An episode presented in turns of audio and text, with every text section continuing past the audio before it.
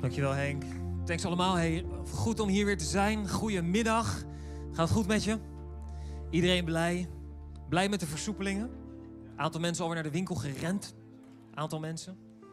Oh, dat valt mee. Dat valt mee. Of zijn jullie allemaal naar België geweest natuurlijk vorige week? Huh? Aantal mensen? Burgerlijk ongehoorzaam geweest? Misschien moeten we er even een gebed voor doen. Nee, nee, grapje. Hey. We zijn nu in uh, week 3 van het jaar 2022.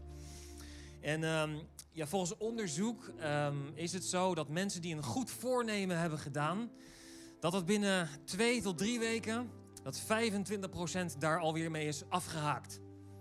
En erger nog, uiteindelijk, onderaan de streep, blijkt dat van de goede voornemens 90% van de mensen het uiteindelijk niet halen. Dus slechts 10%.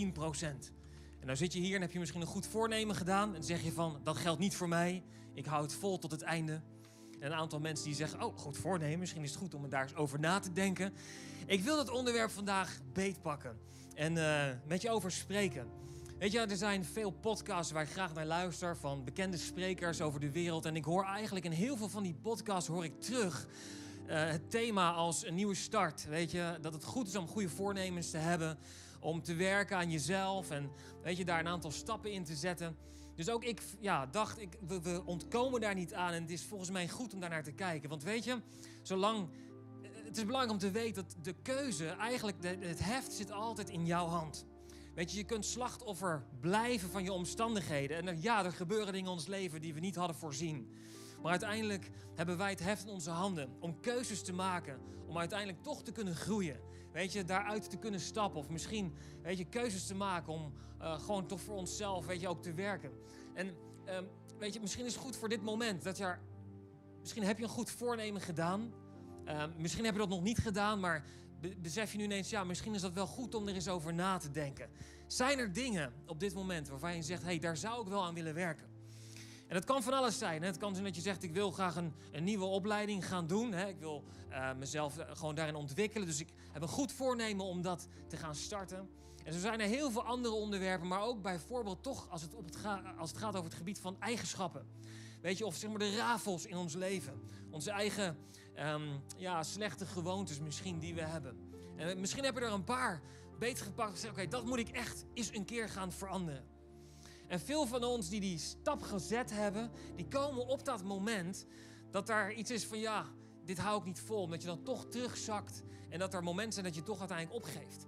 En vandaag wil ik met je kijken naar um, eigenlijk naar drie punten uh, die je kunnen, uh, ja, waarom we opgeven, waarom het mis kan gaan. En uiteindelijk wil ik één punt met je behandelen die kan helpen om uiteindelijk uh, door te gaan en verder te gaan, omdat het fundament daarachter uiteindelijk anders is. Maar voordat we dat doen, wil ik graag nog bidden. Heer, dank u voor vandaag. Dank u voor wie u bent. En dank u, Heer, dat u zo, zo persoonlijk bent en zo echt. Heer, u kent onze reis. U kent iedereen individueel. En u weet, Heer, of wij goede voornemens hebben. U weet ook, Heer, of we misschien opgegeven hebben in het nemen van goede voornemens. Omdat we het niet zien zitten. Of omdat we denken dat het niet lukt. Omdat we gefaald hebben. En ik bid om uw zegen voor vandaag, Heer. En uw aanwezigheid. Heer, dat u ons persoonlijk bedient. En dat iedereen, Heer, die we gewoon dit woord hoort. Dat we iets uit mogen halen, Heer, waarin u ons persoonlijk bemoedigt en ons toespreekt, Heer, wat uw wil voor ons leven is. Zoals uw woord spreekt, het goede, het welgevallen en het volkomen in Jezus' naam. Amen. Weet je, als het gaat over goede voornemens, het begint bij de keuze. En het mooie is dat Jezus belooft ons en spreekt in zijn woord dat Hij gekomen is, weet je, om ons vrij te zetten. Hij is gekomen om, weet je, blinden weer zicht te geven, staat het in de Bijbel. Hij is gekomen met het goede nieuws. Weet je, zodat je niet vast hoeft te blijven zitten in bepaalde patronen of dingen die ons tegenhouden in het leven. Dingen die ons afhouden van God. Maar het begint altijd bij die keuze. En het staat zo mooi in de Bijbel, in Jozua. Jozua komt met het volk van Israël naar het nieuwe, het beloofde land toe. En God zegt heel duidelijk, ik geef jou dit land, maar jij moet het innemen. Oké. Dus God heeft het gegeven, maar Jozua moet nog steeds het land innemen. En soms kan het zijn dat wij denken dat wij degene zijn die alles moeten doen. Dat we het moeten toe-eigenen. Nee, God heeft het al gegeven.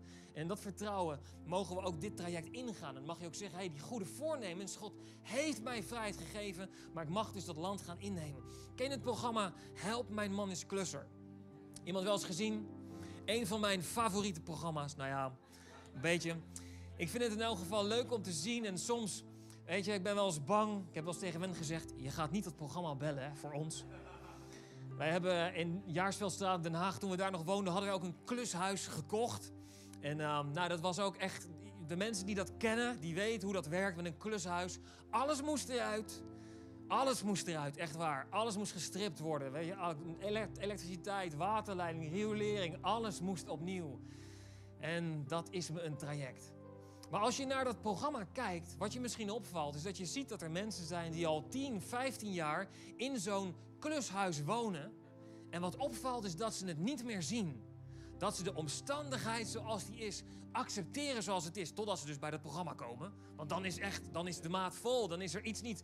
Hè, dan, nou ja, goed, hè, dramatisch ingestoken. John Williams, zoals hij. Uh, ik zit me soms wel eens op te vreten op de bank. Dat ik denk, man, maak het nou nog niet erger. Het is al beschamend genoeg voor die kerel, weet je zo. Dus nou goed. Dus ik ben zo dankbaar, Wen, dat je nooit Help Mijn Man is hebt gebeld. Maar uh, nee, nee, nee. Zal ze nooit doen, zegt ze. Nou ja. Oké. Maar wat hier gebeurt, wat ik wil zeggen, is dit. In ons leven kan het ook zijn dat er rafels zijn, dat er gewoontes zijn, dat er eigenschappen zijn waarvan we zeggen, die zouden eigenlijk anders moeten. Daar zou ik eigenlijk iets mee moeten doen. En het lukt niet. Want ook in Help Man is Klusser, er zijn goede redenen, eigenlijk heel verklaarbare redenen waarom het niet lukt. Ze moeten ook werken, er moet geld verdiend worden. Weet je, er zijn omstandigheden, sommige mensen werden ziek, weet je, er, er gebeurde van alles. Goede redenen eigenlijk om te stoppen met het werken in het huis. Maar ook dit heeft soms betrekking op ons. De omstandigheden die gebeuren in ons leven, geeft ons dat een excuus om de rafels in ons leven te houden. Om niet meer te werken aan onze errors, aan onze persoonlijke nou ja, dingetjes waar we misschien wel eens aan zouden kunnen werken. In Spreuken 13, vers 12 staat dit. Als je heel erg lang op iets blijft hopen, word je treurig. Maar als je krijgt waar je naar het verlangt, geeft dat nieuw leven. In het Engels wordt gesproken over uitgesteld hopen. Dus je hebt de hoop op dat het goede voornemen wat je hebt, dat het gaat lukken. En uiteindelijk, als het gebeurt, geeft dat nieuw leven. Maar op het moment als je faalt en als het niet lukt en je krijgt weer een, een terugslag, wat er gebeurt, er komt teleurstelling. In een andere vertaling wordt gesproken dat je hart wordt ziek. Met andere woorden, het is tijd voor een refill. En misschien ben jij hier vandaag en zeg je: hé, hey, ik had een goed voornemen 1 januari en het is nu week 3 en ik ben alweer terug bij af. Misschien is jouw moment vandaag hier om die refill te krijgen. Ik wil drie punten noemen die ons op, ja, op ons pad kunnen komen. En, en redenen eigenlijk waarom het soms niet lukt om ons goede voornemen vol te houden. En ik, moet eerlijk even een disclaimer, ik ben geen psycholoog. En ook al, je, het is goed om eens te googlen op allerlei lijstjes en rijtjes met uh, punten die je kunnen helpen. Hoe je een goed voornemen kunt doen. Dat je dat stap voor stap moet doen. Niet te grote. Uh, hè, nou ja, goed. Vul maar in. Dus uh, nogmaals, wat ik ga vertellen is niet uitputtend. Het is niet het hele rijtje. Maar het zijn er gewoon drie die ik wil noemen. En misschien vraag je je wel af, ja, maar Daan, kan je niet gewoon even wat je, weet je, een paar goede positieve dingen noemen in plaats van eerst waar het misgaat? Soms is het goed om te herkennen waar het mis kan gaan. Zodat je het her kan herkennen en zodat je daar iets mee kunt doen. Dus het eerste punt wat ik wil noemen is dit. We focussen, waarom het dus mis kan gaan, maar we focussen op wat we niet willen. Het meest voor, voor de hand liggende voorbeeld heb je wel eens gehoord over de roze olifant. Ik zeg nu tegen je, je moet niet denken aan de roze olifant. Nou, waar ga je aan denken? Aan de roze olifant. Of in elk geval om in gedachten te houden waar je niet aan moet denken. Maar wat gebeurt er dan? Dat je continu aan het focussen bent op wat je eigenlijk niet wil. Wat eigenlijk niet de bedoeling is. En de Bijbel spreekt zo mooi hierover in Romeinen 12, vers 21. Laat je niet overwinnen door het kwaad, maar overwin het kwaad door goed te doen. Met andere woorden, doe niet meer alleen wat je niet wil doen, maar ga iets anders doen, het goede daartegenover, wat dat opvult. Want als je dat niet doet, ontstaat er een leegte. En die leegte, die roept naar jou. Die leegte, die roept naar jou. Je kan dus beter zeggen, in plaats van denk niet aan een roze olifant, maar vult in door te zeggen, ga denken aan een blauwe olifant. En hoe vaker je dat doet, hoe meer die roze olifant op de achtergrond verdwijnt. En dat is een heel makkelijk, simpel voorbeeld, maar bijvoorbeeld je gewoonte van tv kijken. Misschien zeg je, ik kijk wel vijf uur per dag televisie en ik zou dat iets minder moeten doen. Ga dan niet op de bank zitten En dat je dan zegt van, ah, ik mag geen televisie meer kijken. En ehm, ik ga niet naar mijn lievelingsserie kijken. Weet je wat ik vroeger nog wel eens deed? Even, de camera staat niet aan, het is geen livestream meer. Maar uh, nee, wat ik nog wel eens deed, was... Ik, ik vond dat ik te veel uh, films keek en zo. Hè. Dat ik dacht van, nou moet ik iets minder doen. Wat ik dan ging doen, dan ging ik online kijken welke films allemaal uitkwamen.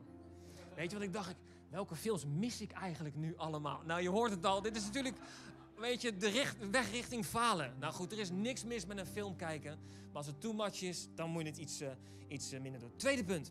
We geven het geen tijd en we investeren niet in onze doelen. Nou, dat klushuis van ons, heb ik iets over verteld.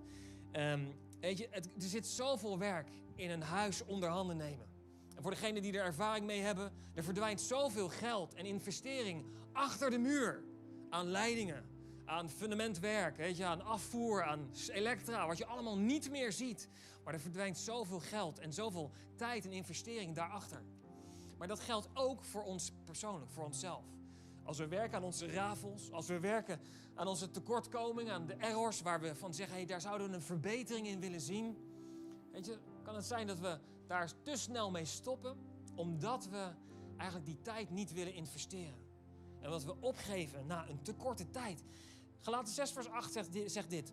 Want wie op de akker van zijn vlees zaait, zal uit het vlees verderf oogsten. ik denk dat we dat kunnen vergelijken met de errors en de flaws in ons leven. Maar wie op de akker van de geest zaait, zal uit de geest eeuwig leven oogsten. Met andere woorden, als wij het goede blijven doen, als we blijven zaaien, weet je, in ontwikkeling, in, eigenlijk in, het, weet je, in, de, in de karakters die we willen ontwikkelen, uiteindelijk zal die oogst daar komen. Het is een belofte zoals het hier in de Bijbel staat. Weet je, je zou wel willen dat je de sportschool ingaat. Misschien heb je wel iemand, iemand dat wel eens zien, zien doen, maar dan tien minuten later naar buiten, buiten komen volledig afgetraind. Dat gebeurt niet. Weet je, als je naar de sportschool gaat, dat kost tijd, kost tijd, kost nou ja, maanden voor sommige mensen. En in andere gevallen, in mijn geval, zou dat jaren en jaren kosten. Maar goed, toch ook daarin, hè? Soms kan het zijn dat er dingen zijn in je leven die jaren kosten. Alleen een opleiding. Als je naar het HBO gaat, het MBO of welke opleiding je ook wil doen, dat kost vier jaar. Sommige MBO-opleidingen drie jaar. Maar dat kost tijd om die investering te doen. Maar dat geldt dus ook weet je, voor, ons, voor onszelf, om onze goede voornemens te laten slagen. En het derde wat ik wil noemen is dit. Waarom het nog wel eens mis kan gaan, is omdat we eigenlijk niet geloven dat het gaat lukken. En deze is heel belangrijk, want de vraag is: wat geloof jij? Wat geloof je echt? Geloof je dat God bij is? Dat hij naast je staat, dat je het kunt. Maar geloof jij ook dat je het waard bent? Om van die patronen in je leven af te komen. Of is het misschien je vlucht waar je naartoe rent? In Spreuken 23, vers 7 staat dit: For as he thinketh in his heart, so is he. In Nederlands vertaald, zoals een man denkt, zo is hij. Is het niet gek dat de vijand eigenlijk altijd bezig is om in ons denken de overwinning te behalen? Dat zijn aanval eigenlijk continu op ons denken is. Met woorden die niet van God zijn, leugens, negatief denken. Je kunt het toch niet. Je bent het niet waard. Waarom denk je dat jij nou degene bent die, hè, bla bla bla. Je denkt toch niet dat jij, bla bla bla. Dat soort leugens probeert de vijand je mee neer te halen. Want uiteindelijk de strijd zit in ons denken. Als hij daar overwinning kan behalen, dan wordt het heel zwaar om uiteindelijk in je goede voornemens aan de slag te gaan. Met andere woorden, we moeten iets doen. En dat staat in Romeinen 12, vers 2. Je moet niet meer op dezelfde manier leven als de ongelovige mensen, maar leven als nieuwe mensen doordat jullie op een nieuwe manier gaan denken. Namelijk op Gods manier. Dan zullen jullie ook anders gaan leven. Dan zullen jullie weten wat Gods wil is. En alles wat Hij wil is goed, mooi en volmaakt. Ons denken moet vernieuwd worden met de manier zoals God naar je kijkt. Dat hij van je houdt. Dat hij het beste met je voor heeft. Dat hij, met, doordat Jezus aan het kruis is gegaan, weet je, dat hij gekomen is. Dat hij je heeft bevrijd van alles. En dat je in die vrijheid mag gaan leven, mag gaan stappen. En het is belangrijk om dan wel dus weet je, ons denken te gaan vernieuwen. Want hoe doen we dat nou? De Bijbel spreekt over geloof komt door het horen en het horen van het woord.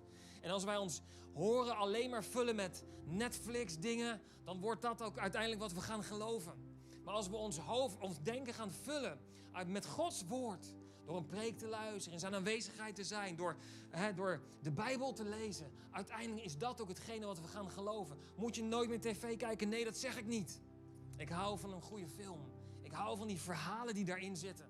Pas weer waren met de kinderen een film aan het kijken. Wed en ik, we keken elkaar aan. We zeiden, dit is gewoon het evangelie wat ze hier. Alleen dan zonder Jezus.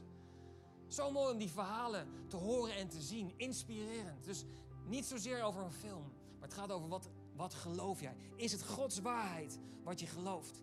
En je denken, weet je, we denken vaak dat het alleen aan ons, in onze hersenpan is. Hè?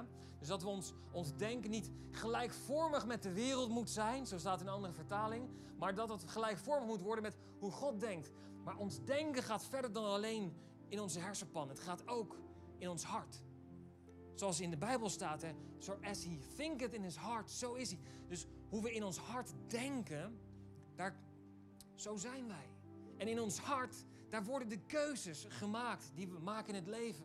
Maar dat is een uitdaging, want wat nou als ons hart gebroken is? Wat nou als ons hart pijn is gedaan?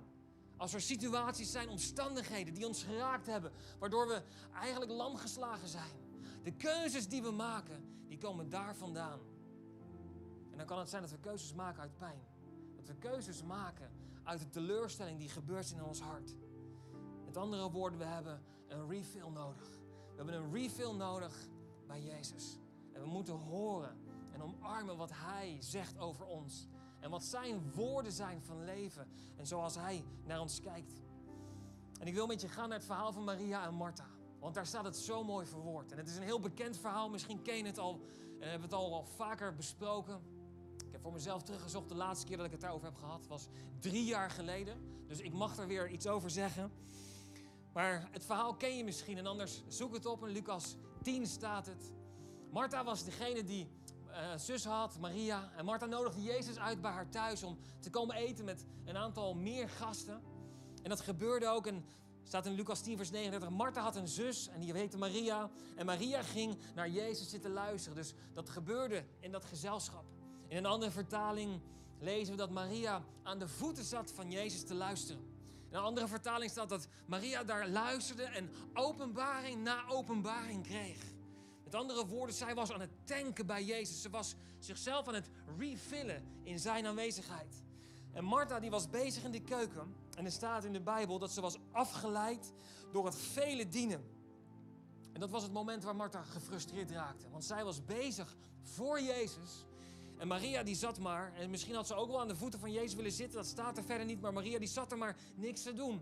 Dus ze ging gefrustreerd naar Jezus toe en ze zei, Heer, vindt u het dan niet erg dat mijn zus mij alles alleen laat doen? Vindt u dat dan niet erg? Zeg tegen haar dat ze me komt helpen.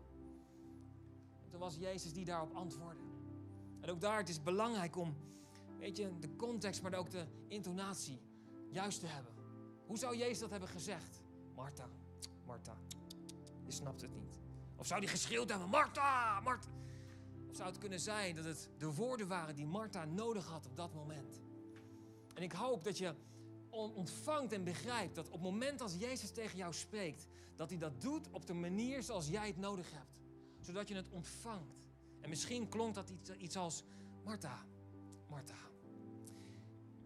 Je maakt je druk en bezorgd over allerlei dingen. Dat is wat Jezus zei, staat in vers 41. Maar eigenlijk is er maar één ding nodig. Maria heeft het goede gekozen.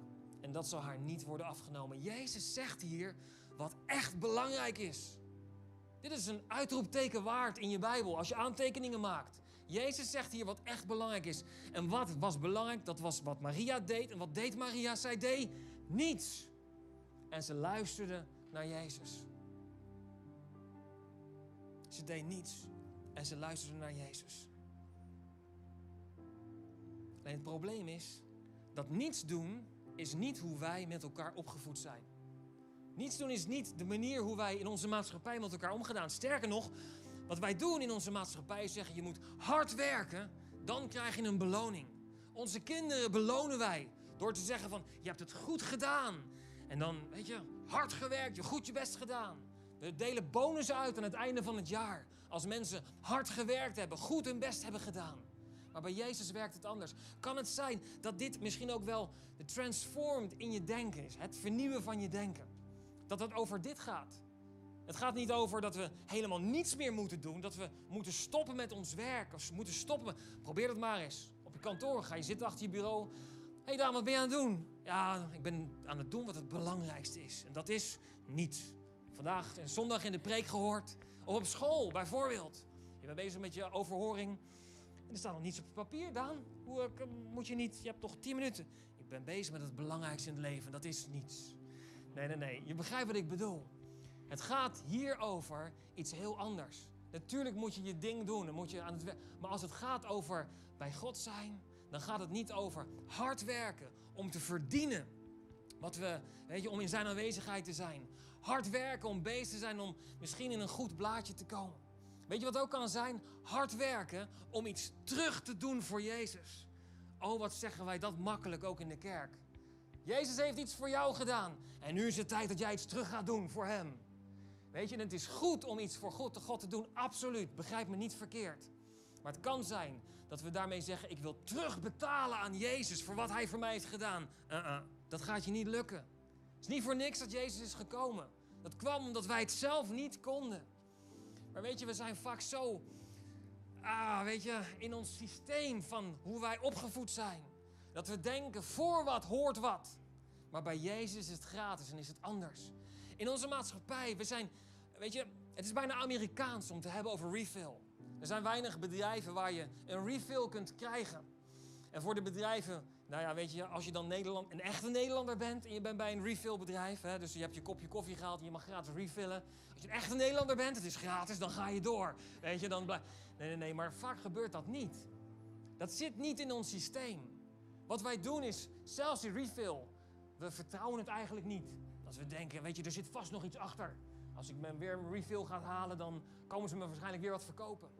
Of ehm, als je teruggaat hè, om te refillen, dan denk je misschien wel, te vaak doen. Want wat zullen die mensen om mij heen wel niet van me denken? Ze vinden me vast inhalig. Ze vinden vast hè, dat ik egoïst ben, op mezelf ben gericht.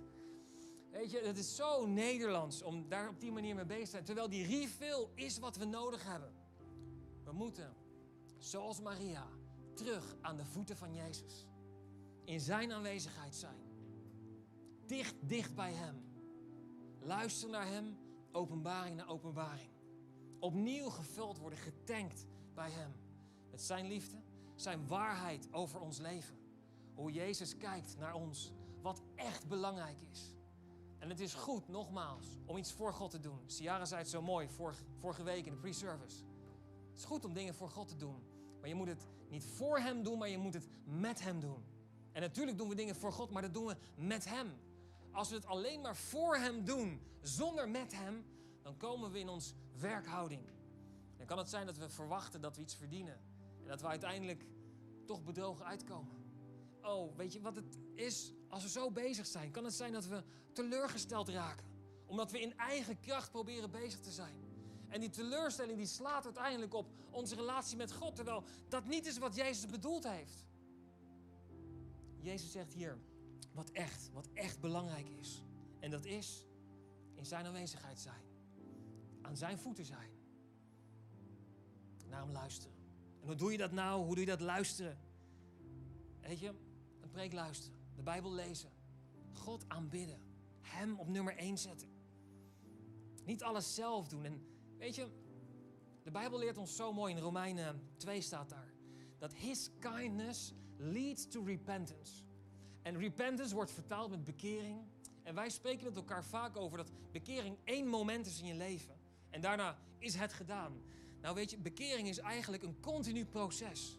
Waarbij ons denken wordt vernieuwd en vernieuwd en vernieuwd. Oh Heer, bedoelt u dat zo? Ik keer me af van het oude denken en ik ga. En dat gebeurt door His kindness. Maar zijn kindness, die vinden we alleen in zijn aanwezigheid, aan zijn voeten. En als je dit zo hoort, weet je, misschien zit je hier en zeg je dan, al mooi gesproken, maar het is nu week drie en ik merk dat ik gefaald heb. En ik voel me zo ver weg bij Jezus vandaan. Misschien ben je hier en heb je nooit eerder, weet je, dit zo bewust gedaan en, en, gewerkt aan de rafels en de errors in je leven. Maar eigenlijk de dingen waarvan je weet dat die afhouden van de bestemming die God voor je heeft, van het plan wat God voor je leven heeft. Weet je, de Bijbel spreekt over dat God een plan voor je heeft van een hoopvolle toekomst. als jouw toekomst op dit moment niet hoopvol is, kan het zijn dat je niet in Gods plan wandelt. Misschien is jouw moment om in die hoopvolle toekomst te gaan wandelen. Maar dan zit je hier en dan zeg je, ja, maar is geld dat voor mij? Is dat wel voor mij bedoeld? In de Bijbel hadden we Zacchaeus. Misschien ken je dat verhaal. Die man dacht dat waarschijnlijk ook. Die dacht, dit wat Jezus doet, ik vind het mooi, ik wil het zien, maar dat is waarschijnlijk niet voor mij bedoeld. En hij was tollenaar in die tijd. En dat was waar mensen niets mee te maken wilden hebben. Het was een soort, nou ja, het betaalde goed. Maar het was in elk geval niet, je stond niet in een goed, goed daglicht. En wat Zacchaeus deed, hij verstopte zich in een boom. En hij dacht, zo kan ik toch iets van Jezus zien. Misschien ben jij dat wel, dat je je verstopt in een boom. Je bent hier om toch iets mee te pakken, maar je denkt dat het misschien niet voor jou is. Ik kan je vertellen dat het wel voor jou is. Want wat Jezus deed, hij wist dat Zacchaeus er zat. Hij liep naar, precies naar de boom waar Zacchaeus zat. Hij keek omhoog en hij zei, Zacchaeus, vanavond moet ik bij jou zijn. En wil ik bij jou eten. Vanavond moet ik bij jou zijn. En Zacchaeus dacht misschien, wat? Bij mij? Maar ik? Ik heb zoveel gefaald. Ik doe de slechte dingen. Ik doe de dingen waar de mensen weet je, afgunst van hebben. Misschien is het voor jou dat je zegt, hey, ik, ik heb zo vaak geprobeerd, maar het lukt niet echt. Misschien is het dan jouw moment om de uitnodiging van Jezus. Dat is mooi hè, dat Jezus, die nodigt zichzelf uit. En ook dat doet hij vandaag. Hij nodigt zichzelf uit bij jou en hij zegt, hey, mag ik bij jou eten vanavond? En het is aan ons om te zeggen, ja Heer, kom maar. En ik wil afsluiten met de tekst waar die verklaring staat, in Lucas 19, vers 10, waarom dit gebeurt. Hij zegt, ik, zegt Jezus, ben gekomen om afgedwaalde mensen. Misschien ben je afgedwaald van Jezus, misschien ben je afgedwaald van, weet je, de nieuwe start die je wil maken. De wandeling, weet je, met God. En dan heb je het geprobeerd uit eigen kracht. Misschien ben je daarmee afgedwaald. Jezus zegt, ik ben gekomen om afgedwaalde mensen te zoeken en te redden. Mijn vraag aan jou is, laat je redden vandaag door Jezus. Laat je vinden door Hem. Ik wil je vragen om te gaan staan en ons worshipteam neemt nog een heerlijk nummer van worship. En dat is zo'n moment, die aanbidding, om bij Hem op schoot te kruipen.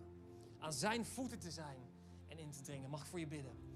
Heer, dank u voor vandaag en dank u voor wie u bent. Dank u voor uw woord, Heer. Wat zo helder, zo duidelijk is en zo liefdevol. En ik bid over iedereen, Heer, die hier is en die dit hoort. Uw aanwezigheid, Heer. Dat we mogen voelen dat u degene bent die zegt: Kom mijn voeten zitten. Dat is het belangrijkste wat je kunt doen. En dat uw woorden van waarheid over ons leven worden gesproken. En dat u degene bent die zegt: Mag ik vanavond bij jou thuis eten? En ik bid in Jezus' naam, Heer, dat als hier mensen zijn die die keuze moeten maken en daar ja op moeten zeggen, dat dit hun moment zal zijn. In Jezus' naam. Een moment nemen om God te aanbidden. Let's go.